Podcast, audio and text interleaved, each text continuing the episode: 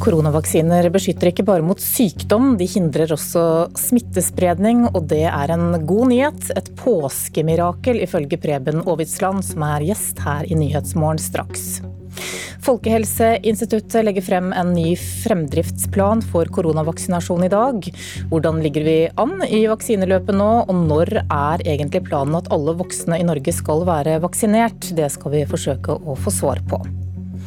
Folk som leier bolig blir ikke godt nok ivaretatt i lovverket, det mener Forbrukerrådet. De vil ha en endring i husleieloven. Og I natt startet rettssaken mot den tidligere politimannen som er tiltalt for å ha drept George Floyd. En av advokatene til Floyds familie sier til NRK at dette er en sak som ikke bare handler om USA, men om hele verden. Dette er noe av det vi er opptatt av i Nyhetsmorgen i dag, og i studio Anne Jetlund Hansen. De som har fått vaksine mot covid-19 er ikke bare beskyttet mot å bli syke, de er også beskyttet mot å bli smittet. Det viser en studie det amerikanske folkehelseinstituttet har gjennomført blant folk som har fått vaksine fra Pfizer eller Moderna. Preben Aabitsland, overlege i Folkehelseinstituttet her i Norge, god morgen. God morgen. Du kaller dette et påskemirakel. Hvorfor er denne studien så viktig? Den, den er viktig fordi at den bekrefter det vi har trodd hele tida, nemlig at eh, folk som er vaksinert, ikke kan bli smitta, og heller ikke smitte videre. Og Dermed så bidrar de ikke til videre epidemi, og dermed så kan eh, vaksinasjonen på en måte være med, sammen med andre tiltak, på å stoppe denne epidemien fullstendig. Ja, hvilke konsekvenser eh, får det? Ja, Det betyr jo at vi etter hvert kan betrakte de som er vaksinert, som at de er på en måte eh, ikke en del av epidemien, ikke en del av problemet lenger. Eh, at de kan da etter hvert få noen lettelser. Ja, Hvilke lettelser da? Ja, Det må jo være lettelser som, som går på at de ikke kan eh, Vi bør ikke betrakte de som mulige smittekilder lenger. Sånn at de f.eks. ikke trenger i karantene hvis de har vært utsatt for smitte. Det er sånne eh, lettelser som vi må komme tilbake til mer i detalj. Men, eh, men denne studien er jo veldig positiv på den måten da, at vi, vi ser en, en bedre vei ut av epidemien. Men Betyr det at de som da har fått disse vaksinene f.eks. også kan reise ut av landet eller bevege seg mer enn oss andre? Ja, det er sånne, sånne, lettelser vi må komme tilbake til i detalj. da. Og vi jobber med konkrete råd som eh, etter hvert da vil bli rulla ut for de som er eh, vaksinert. Men hva syns du hadde vært lurt?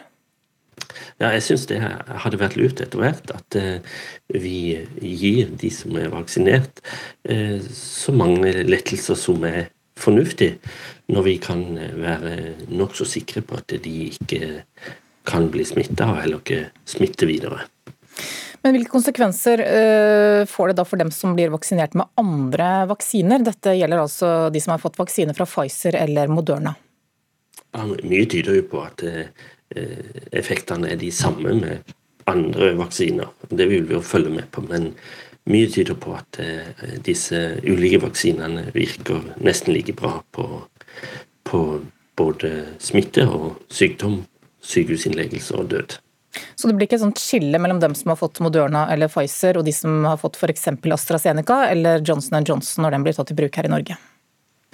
Nei, det tror vi ikke. Vi tror det blir vaksinert eller ikke vaksinert. Så legger Folkehelseinstituttet frem en ny fremdriftsplan for nettopp koronavaksinasjon senere i dag. Land som USA, Storbritannia og Israel har som kjent kommet langt i å vaksinere sin befolkning. I Norge har vi ikke kommet like langt, og i Oslo så er det stor forskjell mellom bydelene i hvor langt vaksineringen har kommet. I én bydel kan friske 61-åringer juble for å innkalles til vaksinering, i andre er de knapt ferdige med dem over 80. Bjerke er en av bydelene som har fått ekstra vaksiner, forteller vaksineansvarlig Tina Arnesen. Noen gråter, noen jubler, eh, noen føler at de har vunnet i Lotto. Det er veldig hyggelige telefonsamtaler vi tar. Vi begynner å vaksinere gruppe 55 64 år, da, de eldste der, i denne uken. På den andre kanten av byen er situasjonen en annen. I Ullern vaksinerer de dem mellom 75 og 84, forteller avdelingsdirektør Giske Edvardsen. Vi har vaksinert hele 84% allerede i den aldersgruppen ved utgangen av forrige uke. Og I tillegg så beveger vi oss over i neste aldersgruppe, som er fra 65 til 74 år. Men er det rettferdig at en 76-åring på Ullern ikke blir vaksinert, mens de i Bjerke begynner med folk tidlig i 60-åra? Vi har ikke hatt veldig mange tilbakemeldinger fra våre innbyggere om at de opplever det som, eh, som urettferdig. Og jeg må si at Vi syns det er veldig positivt at det kommer flere vaksiner til de bydelene som har et veldig høyt smittetrykk. Det syns jeg er en veldig riktig strategi og prioritering. Og helsebyråd Robert Steen sier det er naturlige grunner til at bydelene er på så forskjellige steder i vaksineringen. Det er jo stor forskjell i det vi kaller for demografi mellom bydelene. Noen bydeler har ganske mange eldre beboere, andre har veldig få. Så det vil variere litt, men det skal ikke være noe mer enn noen få uker mellom de forskjellige gruppene som har påstartet eh, vaksinasjonen. Reporter her, det var Jenny Dahl Bakken. Preben Aavitsland, overlege i Folkehelseinstituttet, fortsatt med oss. Hvordan ser du på at det er store forskjeller mellom bydelene i hovedstaden når det gjelder hvilke aldersgrupper som nå får vaksine? Ja, Det syns jeg egentlig er helt naturlig. Som vi hørte, så har dette med eh, to ting å gjøre. Det ene er aldersfordelinga i eh, bydelene. At eh, i noen bydeler har flere unge eller flere eldre, sånn at eh, man fordeler vaksiner etter det. Og det andre er at noen bydeler, sånn som Bjerke, da, eh, har et mye høyere smittetrykk enn Ullern. Og da har Oslo kommune i samråd med oss gjort en vurdering at det er rimelig å vaksinere noe mer i Bjerke og Grorud og Stovner og noen sånne bydeler, framfor i Ullern. Men er det tilsvarende forskjeller ellers i landet også?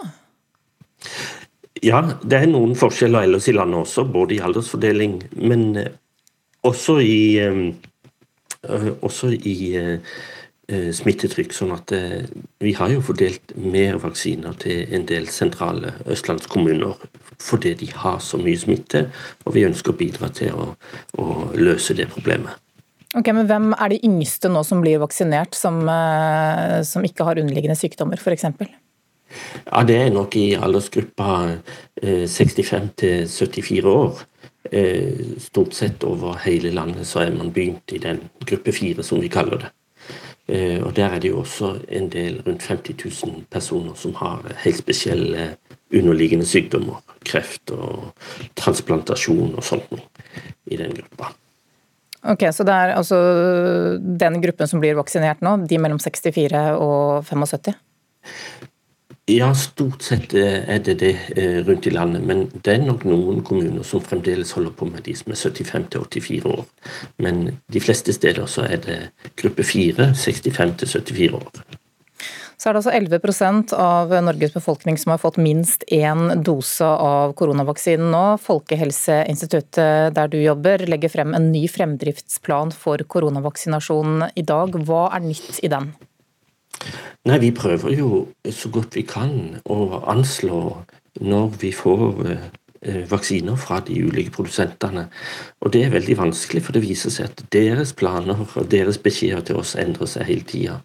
Så det nye er jo at vi, vi ikke får, sånn som vi trodde, at vi skulle få rundt 300 000 doser av Janssen-vaksinen i april, eh, men at det blir betydelig mindre. Men så blir det da mer i, i mai og juni, regner vi med.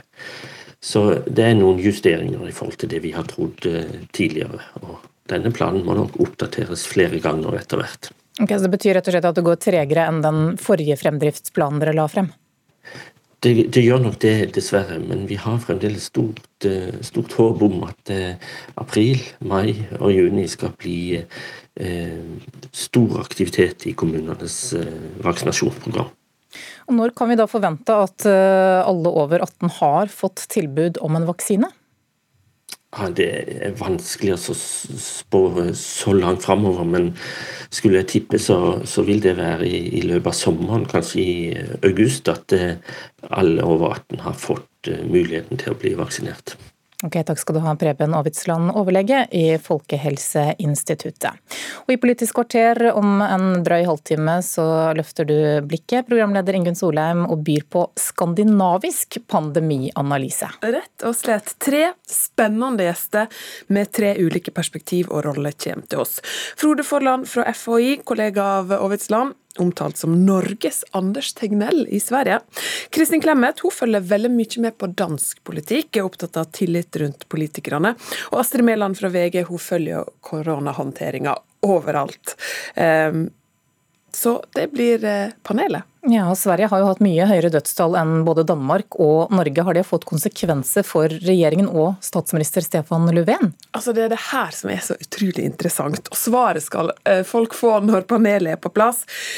Men pandemien har vært håndtert ganske ulikt i de eh, tre ulike landene, hvis vi går inn og ser på detaljene.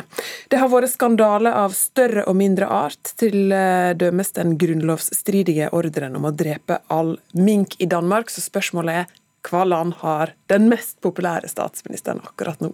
Det skal jeg altså snakke om i Politisk kvarter om en drøy halvtime. Arbeiderpartiet vil gi et løft til behandlingen av rusavhengige. Oppfølgingen de får er for dårlig, det sier ruspolitisk talsperson Tellef Inge Mørland. Det samme mener han om LAR-systemet, der medisiner erstatter illegale stoffer. Arbeiderpartiet har ønsket en behandlingsreform for rusavhengige. Vi har sett bl.a. på ettervernet at det svikter. Og så ser vi på oppfølginga i LAR at den er ikke god nok for mange av pasientene. Behandlingen av rusavhengige er ikke god nok, mener Mørland. Han er ikke beroliget av at regjeringen ønsker en rusreform. Han mener også at ordningen med legemiddelassistert rehabilitering, LAR, må gjøres bedre. Rundt 8000 rusavhengige i Norge er LAR-pasienter. De får metadon eller Subutex for å klare seg uten heroin eller andre illegale rusmidler. Arbeiderpartiets bekymring er at i LAR-ordninga så får ikke den enkelte en god nok eh, personlig tilpassa oppfølging, sånn som andre pasienter forventer eh, og har krav på. Og så ønsker vi òg at man skal ha større fokus på rehabiliteringsdelen. Gabrielle Velle Strand, forsker ved Senter for rus- og avhengighetsforskning ved Universitetet i Oslo, har arbeidet med LAR siden innføringen på 90-tallet. Hun er ikke i tvil om at behandlingen virker de aller fleste får et mye bedre liv i LAR enn de hadde mens de var ute og brukte heroin, f.eks.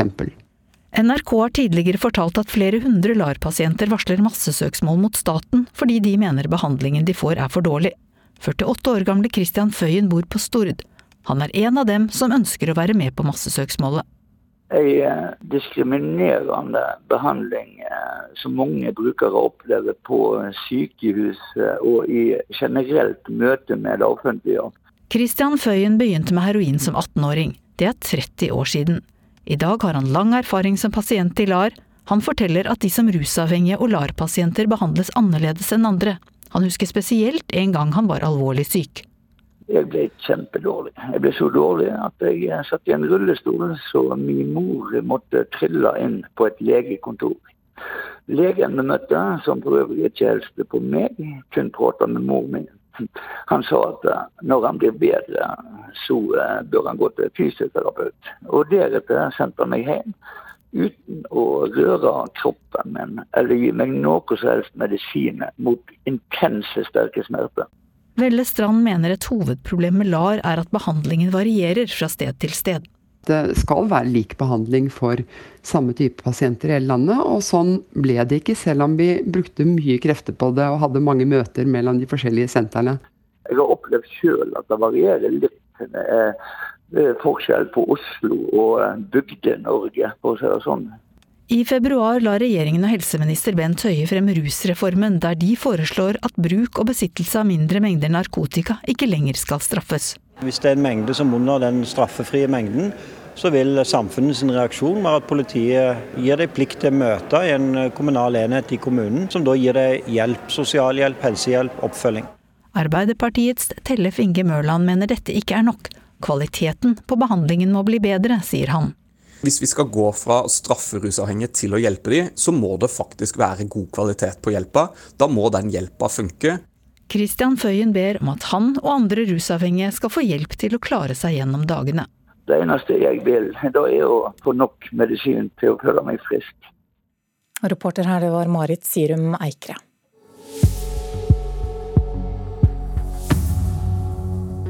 Klokka er 18 minutter over sju. Dette er Nyhetsmorgen i NRK. De som har fått vaksine mot covid-19 er ikke bare beskyttet mot å bli syke, de er også beskyttet mot å bli smittet. Det er et påskemirakel, sier Preben Aavitsland i Folkehelseinstituttet, som var gjest her i Nyhetsmorgen for noen minutter siden. I Oslo er det stor forskjell mellom bydelene i hvor langt vaksineringen har kommet. Noen steder får friske innbyggere i 60-årene tilbud om vaksine, i andre er de knapt ferdige med innbyggere i 80-årene. Og følg oss videre. I natt startet rettssaken mot den tidligere politimannen som er tiltalt for å ha drept George Floyd. Vår korrespondent har fulgt den første dagen i retten skal høre fra henne straks. Nå til Forbrukerrådet, som mener at husleieloven er utdatert og gir lite vern til leietakere. Rådet går derfor inn for å endre loven fullstendig til det de mener er en reell forbrukerlov. Du kan tenke deg at Hvis du leier privat hos noen, så er det ikke lett å først ha en konflikt, og så skal du løse den konflikten, og skal du fortsette å bo der. Leier du bostaden din, er du dårlig verna av lova, sier fagdirektør i Forbrukerrådet, Olav Karsland. Han mener husleielova favoriserer utleieren, og går derfor inn for å endre henne fullstendig. Hvis du går til Elkjøp og klager på en ting, så spiller det ingen rolle om de er sure på deg. Det kan ha ikke et avhengighetsforhold etterpå. Det har du i et leieforhold. Utleier gjør det for å tjene penger, men leietaker gjør det fordi han må ha en plass å bo.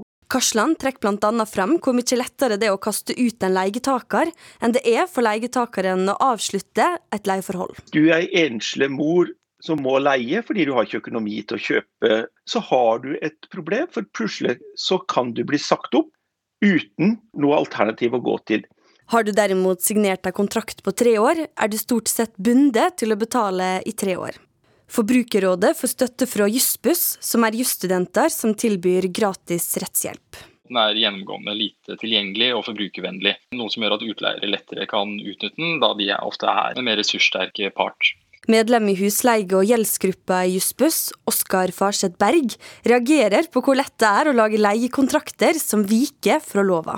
Ofte er ikke leietakeren klar over at de blir utnyttet, og dersom de finner ut av det, så vil det være tidkrevende å få rettet opp i den uretten. Kommunalminister Nikolai Astrup sier de er åpne for å endre loven. Vi er opptatt av at det skal være trygt å leie, og at vi skal ivareta leietakers rettigheter på en god måte gjennom husleieloven.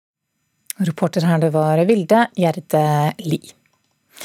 I natt startet rettssaken mot politimannen som er tiltalt for å ha drept George Floyd i USA. Floyd døde da han ble pågrepet i Minneapolis i mai i fjor.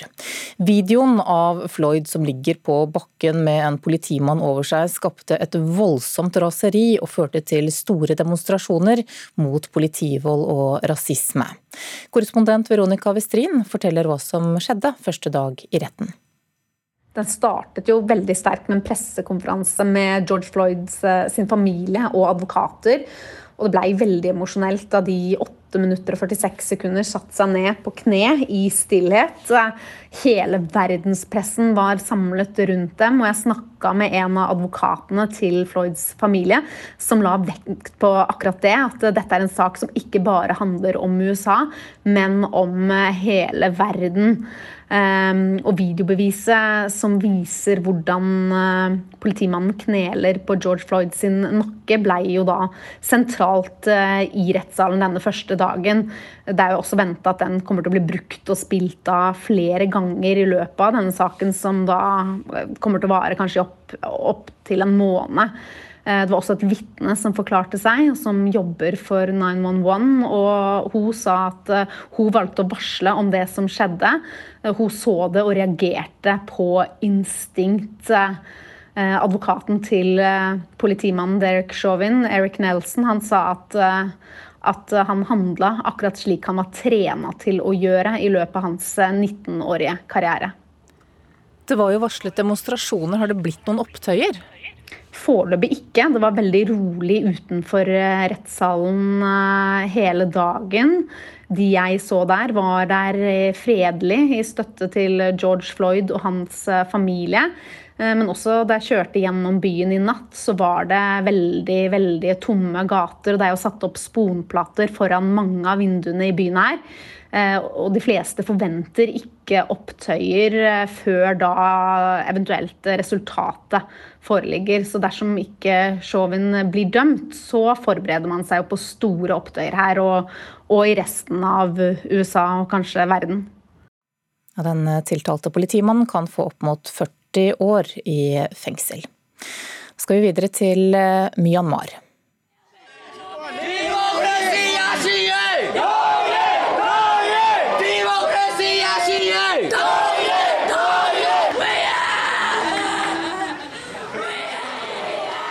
Dette vi hører er det gråt og slagord mot militærstyret i Myanmar under en begravelse av en 13 år gammel gutt.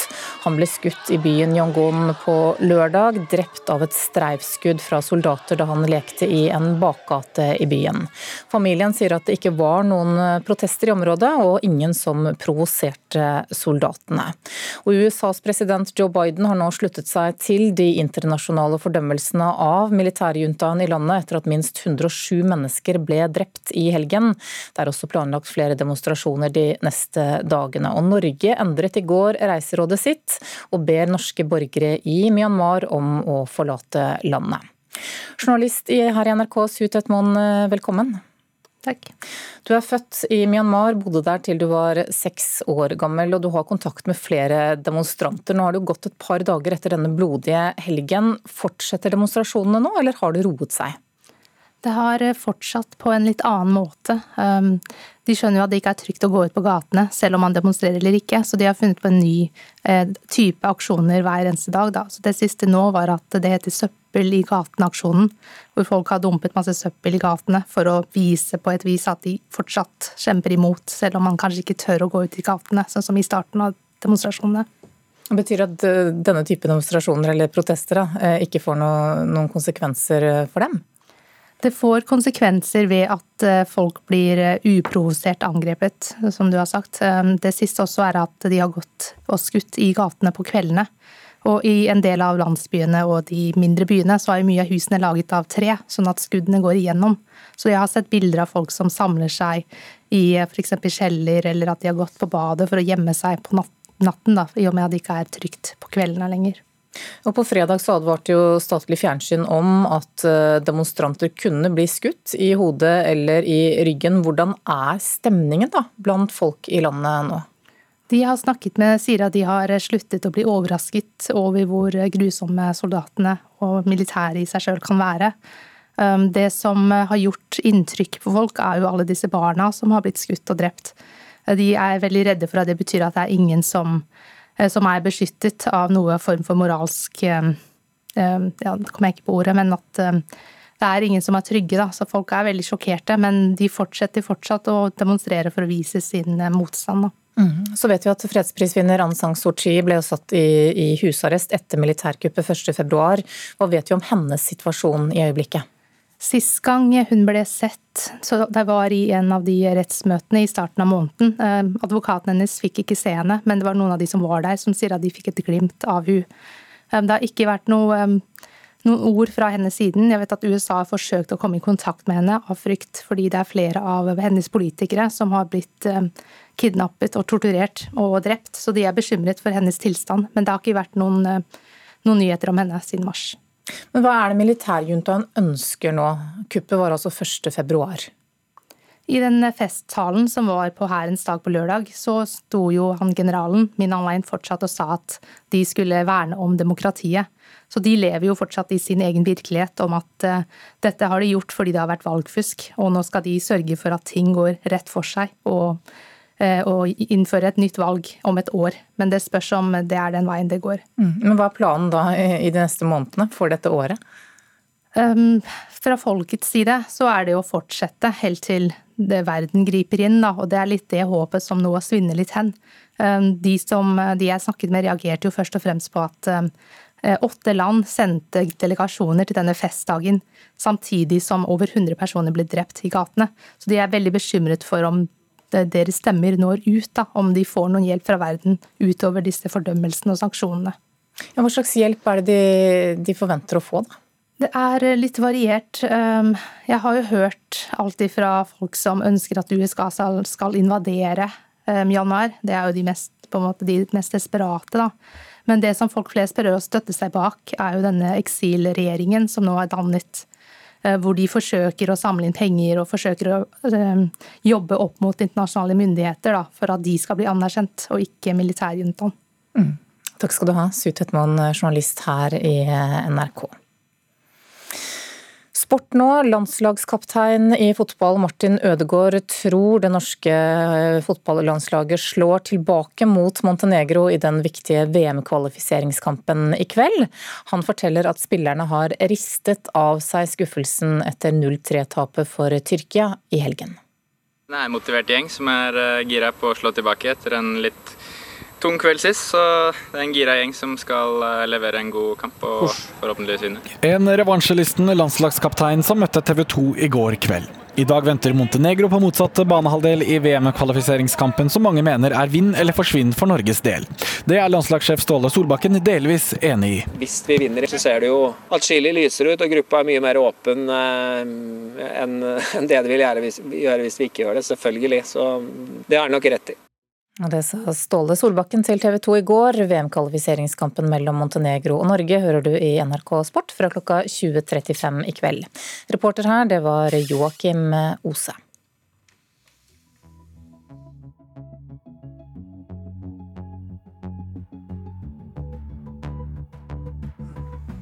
Klokka nærmer seg 7.30.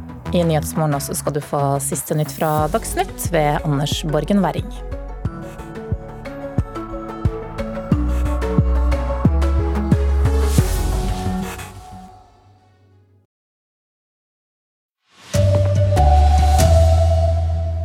Koronavaksinerte smitter ikke andre, viser ny studie. Det kan bety lettelse for de vaksinerte utover våren. Folk som leier bolig er for dårlig sikret, mener Forbrukerrådet, som vil endre loven. Kjendisprogrammet på TV har femdoblet seg på ti år. Her er NRK Dagsnytt, klokka er 7.30. En ny koronastudie gir altså håp. En amerikansk studie anslår nemlig at Pfizer- og Moderna-vaksinene er 90% effektive mot koronasmitte, og dermed smitter ikke vaksinerte andre. Et påskemirakel, sier Preben Aavitsland fra Folkehelseinstituttet. Den bekrefter det vi har trodd hele tida, nemlig at eh, folk som er vaksinert, ikke kan bli smitta, og heller ikke smitte videre. Og dermed så bidrar de ikke til videre epidemi. Og dermed så kan vaksinasjonen på en måte være med, sammen med andre tiltak, på å stoppe denne epidemien fullstendig. Overlege ved Folkehelseinstituttet Preben Aavetsland er optimistisk.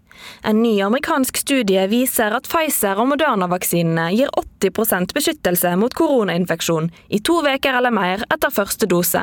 Beskyttelsen øker til 90% etter dose to.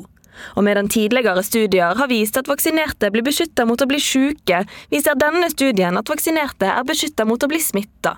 Og det er godt nytt, sier Aavitsland. Ja, det betyr jo at vi etter hvert kan betrakte de som er vaksinert, som at de er på en måte ikke en del av epidemien, ikke en del av problemet lenger. Når viruset får færre å spre seg mellom, betyr det også at de etter hvert kan innføre lettinger for de som er vaksinerte. Vi bør ikke betrakte de som mulige smittekilder lenger, sånn at de f.eks. ikke trenger i karantene hvis de har vært utsatt for smitte. Det er sånne eh, lettelser som vi må komme tilbake til mer i detalj, men, eh, men eh, denne studien er jo veldig positiv på den måten da, at eh, vi, vi ser en, en, bedre vei ut av epidemien.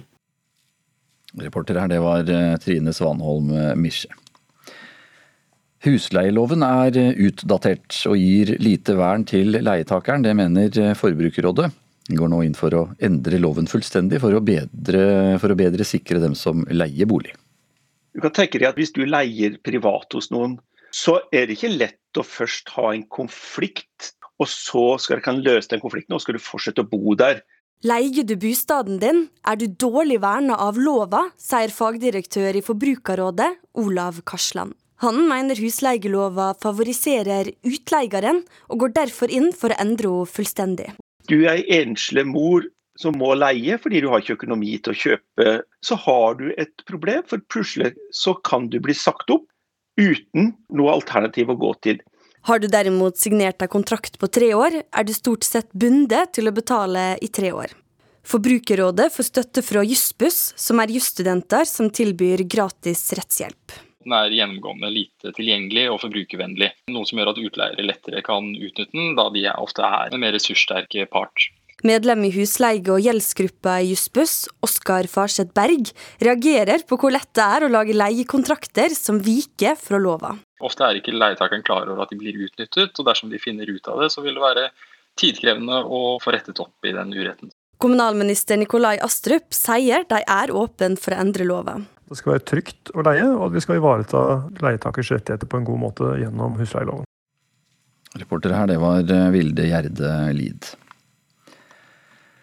Så skal vi høre at Arbeiderpartiet vil gi et løft til behandlingen av rusavhengige. Oppfølgingen de får er for dårlig, sier ruspolitisk talsperson Tellef Inge Mørland. Det samme mener han om LAR-systemet, der medisiner erstatter de ulovlige stoffene. Arbeiderpartiet har ønsket en behandlingsreform for rusavhengige. Vi har sett bl.a. på ettervernet at det svikter. Og så ser vi på oppfølginga i LAR at den er ikke god nok for mange av pasientene. Rundt 8000 rusavhengige i Norge er LAR-pasienter. De får metadon eller Subutex for å klare seg uten heroin eller andre illegale rusmidler. Gabrielle Velle Strand, forsker ved Senter for rus- og avhengighetsforskning ved Universitetet i Oslo, har arbeidet med LAR siden innføringen på 90-tallet. De aller fleste får et mye bedre liv i LAR enn de hadde mens de var ute og brukte heroin, f.eks. NRK har tidligere fortalt at flere hundre LAR-pasienter varsler massesøksmål mot staten fordi de mener behandlingen de får er for dårlig. 48 år gamle Christian Føyen bor på Stord. Han er en av dem som ønsker å være med på massesøksmålet. Diskriminerende behandling som mange brukere opplever på sykehus og i generelt møte med det offentlige.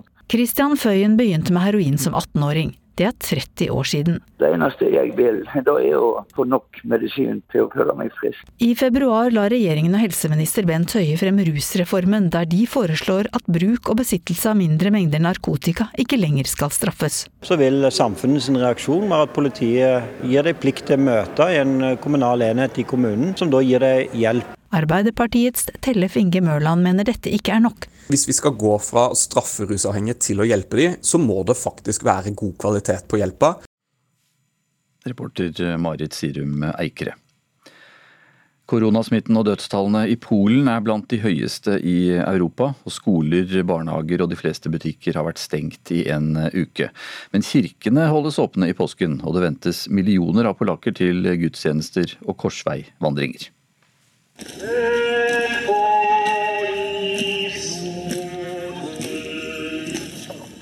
Hvert år strømmer millioner polakker til kirken langfredag ettermiddag for å gå den samme vei som Jesus gikk til korset.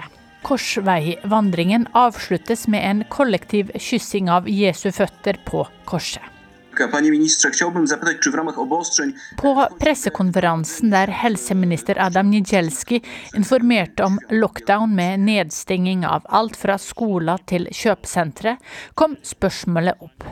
Hva med kirkene? Vi ser det ikke som nødvendig å stenge, da det er mulig å opprettholde avstand i kirkene, svarte ministeren. Polsk påske er full av kirkelige tradisjoner. Vasking av menighetens føtter skjærtorsdag, velsigning av mat påskeaften. Handlinger som er potensielle smittebomber. Vi som troende er overrasket over at det er lov å gå i kirkene, og at prestene oppfordrer flest mulig til å ta del i gudstjenestene. Det sier Zofia Tatarek, en ivrig kirkegjenger som nå har erstatta alle fysiske oppmøter med digitale bønner og gudstjenester. Jeg er rett og slett opprørt. Skal det være opp til presten å bestemme hva som er forsvarlig under en pandemi, sier Tatarek. Ja, det sa reporter Sofia Paskiewicz. Nå skal det handle om kjendiser, for mens enkelte elsker å se dem utfolde seg i ulike situasjoner, så synes noen det nå er litt for mange kjendisprogrammer på norsk TV. På ti år er antall kjendisbaserte serier femdoblet.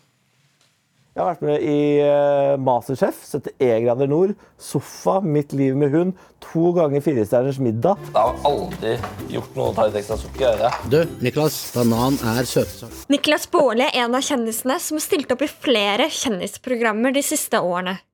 Hele tolv stykker. Men han skjønner likevel frustrasjonen til enkelte etter at den gjennomsnittlige TV-titteren Jan Engen la ut et innlegg på Facebook hvor han mente at det lages altfor mange kjendisprogram. For oss som ser på TV, så er det jo litt sånn at det er de samme som går igjen overalt hele tida. Og da ligger det jo på dem som rett og slett lager programmene, tror jeg. Fra seks slike program i 2010 er det per dags dato over 30 å se på norsk TV. Programredaktør i TV 2 Katrine Haldorsen sier de er bevisst på mangfold, og sier de prøver å speile hele landet. Jeg vil jo insistere på at TV 2 har veldig mye annet forbrukerjournalistikk, eh, drama. Eh, veldig mye av det vi driver med, selvfølgelig alt av nyheter. det er jo kjendisfritt i stor grad. Men legger også til at det er en enorm interesse for disse TV-seriene. At kjendiser funker i store konsepter, ja, det gjør det. Reportere her, det var Oda Elise Svelstad og Heder Ørbekk Eliassen. Så Dyrenytt eh, til slutt. Den afrikanske elefanten er nå nemlig blitt rødlistet som truet dyreart. En underart av elefanten nærmer seg utryddelse. Tidligere har eh, elefanten i Afrika blitt sett på som én en enkelt dyreart og ble vurdert som sårbar, men ikke truet. Og nå skilles altså arten ut i to underarter. Den afrikanske skogselefanten er spesielt hardt rammet, og antallet har blitt redusert med nesten 86% de siste tre tiåra. For mindre enn 50 år siden så var det rundt 1,5 millioner elefanter i Afrika. Den siste storstilte vurderingen er fra 2016, og anslo da at bestanden var rundt 415 000. Ulf Tannesfjell har ansvaret for NRK Dagsnytt i dag. Jeg heter Anders Borgen Werring.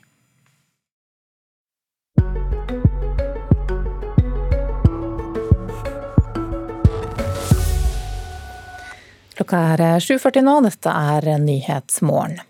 En pasientorganisasjon starter nå kronerulling for å sikre videre forskning på transplantasjon av avføring. For noen uker siden så hørte du her i Nyhetsmorgen at Helse Vest sier nei til å forske videre på det som blir sett på som oppsiktsvekkende gode resultater ved Stord sykehus. Ni av ti pasienter med irritabel tarm ble bedre av frisk avføring fra en donor jeg kjenner at eh, ok, nå begynner det å skje noe i tarmen. fordi ikke bare kjenner jeg det, du kan høre det. og da er det liksom Du må jo på en måte holde deg mye. Ingvild Haugland Pettersen vet hvordan det er å være avhengig av kort vei til toalettet. I fjor fikk 24-åringen hjelp. Via en slange ned halsen fikk hun tilført avføring i tarmen fra en superdonor. Altså, jeg har liksom ikke noe sånn Og den dagen så ble jeg kjempemye bedre, men sånn veldig fort og veldig jevnt så bare ble alle plagene vekke. Rundt 350 pasienter med irritabel tarm har deltatt i forskninga på Stord sykehus. Ni av ti ble bedre av behandlinga. Likevel vil ikke Helse Vest gi penger til å forske videre på funnene. Nei, de er skuffa. Eh, det er stor skuffelse og frustrasjon. Det sier Mats Johansson, som er generalsekretær i Landsforeninga mot fordøyingssykdommer, LMF. Mange fortvila pasienter har tatt kontakt, og nå starter de en innsamlingsaksjon.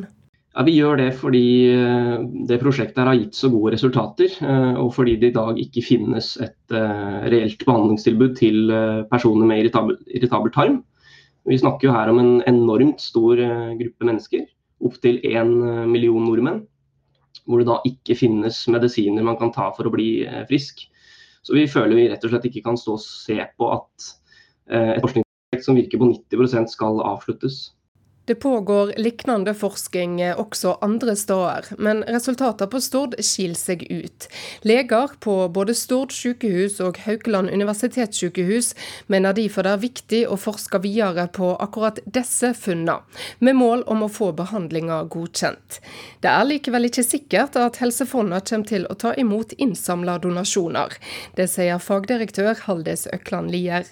Først har jeg lyst til å si at jeg syns det er flott at pasientorganisasjonene engasjerer seg i det å få fram mer kunnskap som både kan gi god utredning, men ikke minst god behandling, som det handler om her.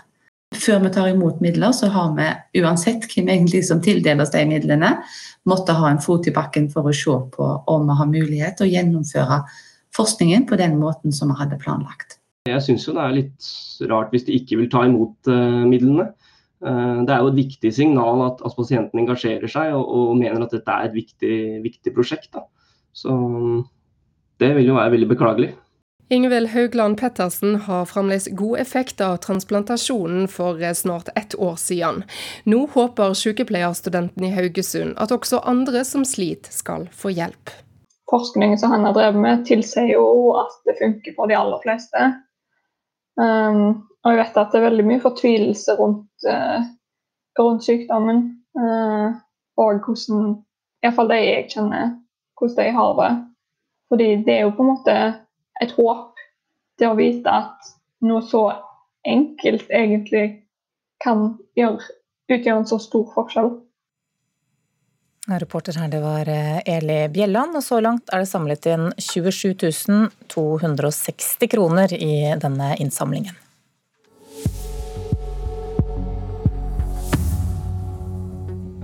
Klokka har passert 7.44. Dette er eh, Nyhetsmorgen. Hovedsaken vår i dag det er at koronavaksiner beskytter ikke bare mot sykdom, de hindrer også smittespredning, ifølge en amerikansk studie. Det betyr at eh, koronavaksinerte ikke smitter andre, og det kan bety lettelser for de som er vaksinert utover eh, våren. Folk som leier bolig er for dårlig sikret. Det mener Forbrukerrådet, som nå vil endre loven. Og Arbeiderpartiet vil gi et eh, løft til behandling av rusavhengige. Oppfølgingen de får er for dårlig, sier ruspolitisk talsperson Tellef Inge Mørland. Da er det klart for Politisk kvarter. Programleder Ingunn Solheim sitter klar med sine gjester.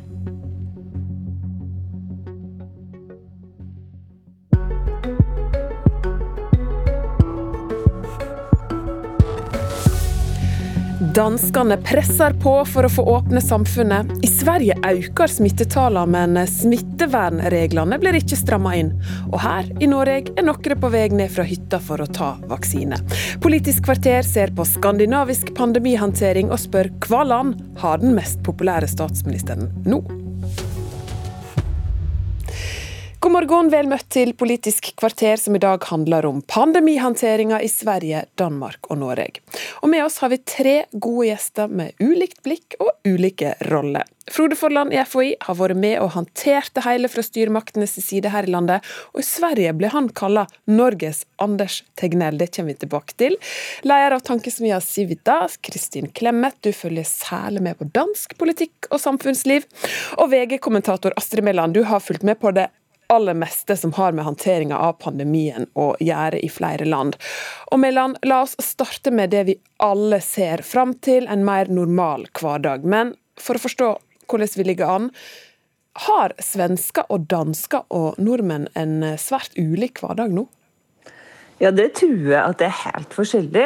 Vi har jo fått med oss danskene som har lansert en stor gjenåpningsplan rett før påske og skal åpne samfunnet igjen nå gradvis. Mens eh, samtidig så fikk jo Norge beskjed om at vi fikk møte to personer innendørs hjemme hos oss sjøl og skikkelig stramme regler før påske. Eh, I Danmark så går jo smitten ned kraftig fra etter jul, mens i Norge så går den jo opp. Også i Sverige da, så går den opp, både smitten og innleggelsen, Men der hadde de likevel bestemt seg for å åpne videregående etter jul. Og før påske så sa Anders Tegnell at det ikke var noe grunn til å ha noe mer tiltak før påske. Han var ingenting bekymra for påsketrafikken. Han mente bare at eh, hvis de tiltakene vi har følges, så er det bra nok. Og Hva er status for disse gjenåpningsplanene i eh, Skandinavia?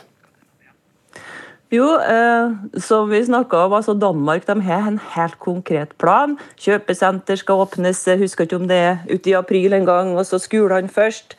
Eh, og Den planen skulle egentlig komme i Norge òg. Den ble levert 16.3, eh, tror jeg, men det passa fryktelig dårlig for regjeringa å lansere den. Den skulle egentlig komme i slutten av eh, mars nå, men så ble jo smittetrykket så høyt, så hele greia er utsatt til etter påske. Og I Sverige så har de jo ikke den samme gjenåpningsplanen, for de har ikke stengt ned så mye. Men etter påske så skal det bli f.eks. mulig å åpne videregående i Sverige. Mm. Frode Forland, eh, hva kan du si om vurderingene som blir gjort rundt nettopp gjenåpninga her i landet? En plan vi skal få innsikt i onsdag etter påske, når statsminister Erna Solberg kommer til Stortinget? Jeg kan jo si litt om hva slags tema som, som vi har drøfta. Eh, og det er rett som Mæland sier her, at det ble jo en kraftig smitteauke rett før påske som gjorde det vanskelig å kunne kommunisere en gjenåpningsplan. Men det har vi jobba med lenge sammen med Helsedirektoratet. Og det handler om å bygge denne planen på, på data, og ikke bare på fastsette datoer. Eh, og at vi tar da hensyn til smittesituasjonen i landet, vi tar hensyn til vaksinesituasjonen kapasiteten som er i helsetjenester for å kunne håndtere de utbruddene som er, og hvor mange virusvarianter for eksempel, som er i, i omløp. Mm. Men det, denne vurderinga som danskene gjør nå, at eh, når alle over 50 er vaksinert, mm. da åpner vi det meste? Vi har ikke sett noe helt konkret eh, mål på det i forhold til hvor mange som er vaksinert, men vi ser jo òg at vaksineplanene endres fra dag til dag, fra uke til uke, ettersom vi får ulik beskjed fra produsentene om leveranser av vaksine. Ja, så det, En vet jo ikke når vi kan ikke helt vite når det vil være tilfellet, men ut ifra de planene vi har hatt til nå, så har en jo håp om at de fleste voksne kan være vaksinert i løpet av sommeren. Mm. Eh, Kristin Clemet, eh, denne gjenåpningsiveren den er ganske sterk i Danmark nå, forstår jeg? Presset ja. mot Mette Fredriksen, statsministeren, ligger der? Eh, ja, Det har foregått litt annerledes i Danmark enn i Sverige og Norge så langt. For i Danmark så er det de politiske partiene, alle unntatt ett parti, som har blitt enige om en gjenåpningsplan. Men det er ikke sånn at alt nå åpner. Eh, det er en faseplan hvor man forsiktig begynner etter påske. Da skal f.eks. barn fra 5. til 8. klasse få lov til å gå på skolen annenhver uke. Og så foregår det veldig gradvis. Og det er klart Når man setter AstraZeneca-vaksinen på pause, så kanskje dette blir litt utsatt. Eh, det er fortsatt lokale utbrudd, eh, senest i går. Lokale utbrudd på Fyn som de må slå ned osv. Så, videre. så det tas en masse forbehold i denne planen, men den bygger jo på at eh, man greier å vaksinere befolkningen, selvfølgelig. Eh, og når man kommer til når alle over 50 år, så har man i hvert fall nådd en milepæl. Og så bygger den på at de etter hvert skal innføre dette koronapasset. For de som er vaksinert, eh, for de som har hatt infeksjonen, og for de som har testet seg de siste timene. Mm. Så der er en plan. I Sverige, så, så vidt jeg forstår, så har folkehelsemyndighetene der fremlagt et forslag til, for politikerne til en gjenåpningsplan, som vi vel også får i Norge da etter påske. Mm. Og denne eh, testinga, Mæland, som danskene nå eh, bur seg på å bruke, den blir mye mer hverdagslig kan vi si det, enn eh, vi er vant til her så langt i Norge?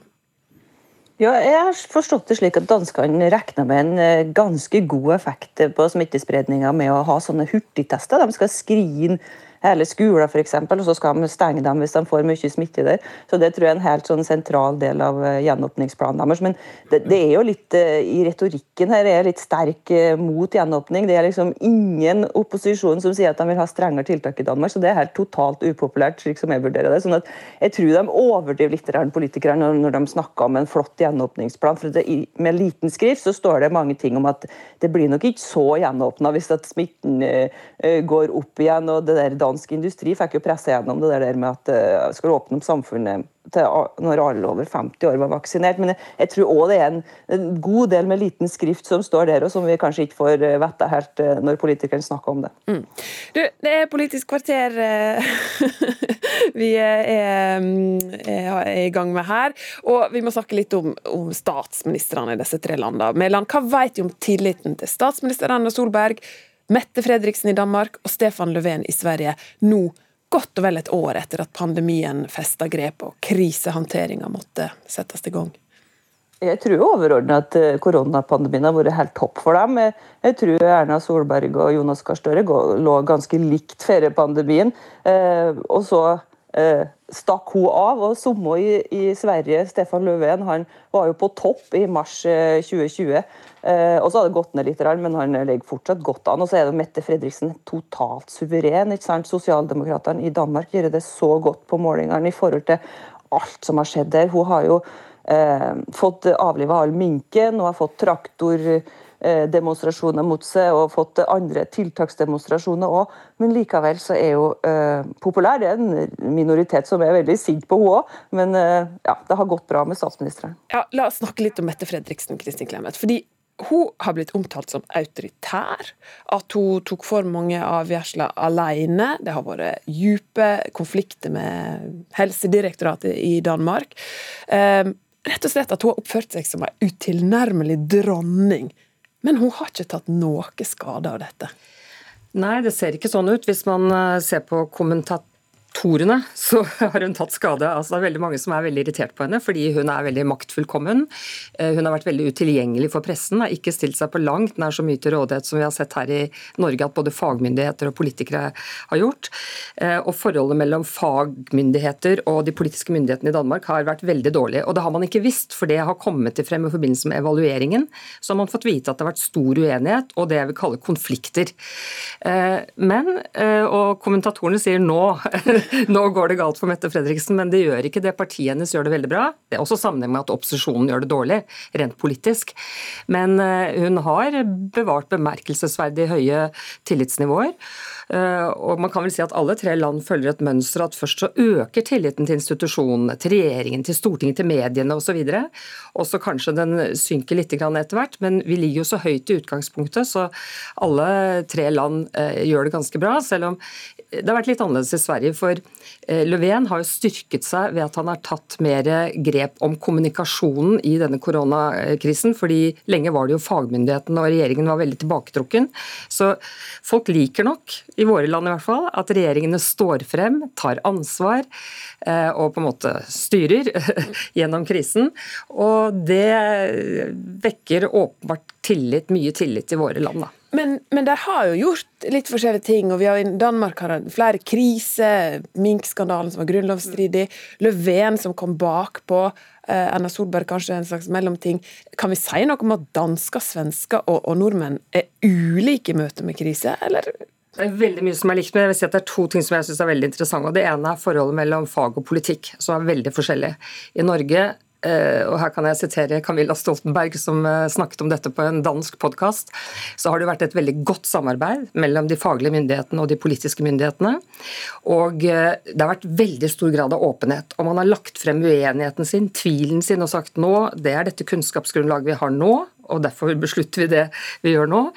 Og, og har, og Man har hatt en dialog, og det har vært et gjensidig tillitsforhold mellom folk og myndigheter, kan man si.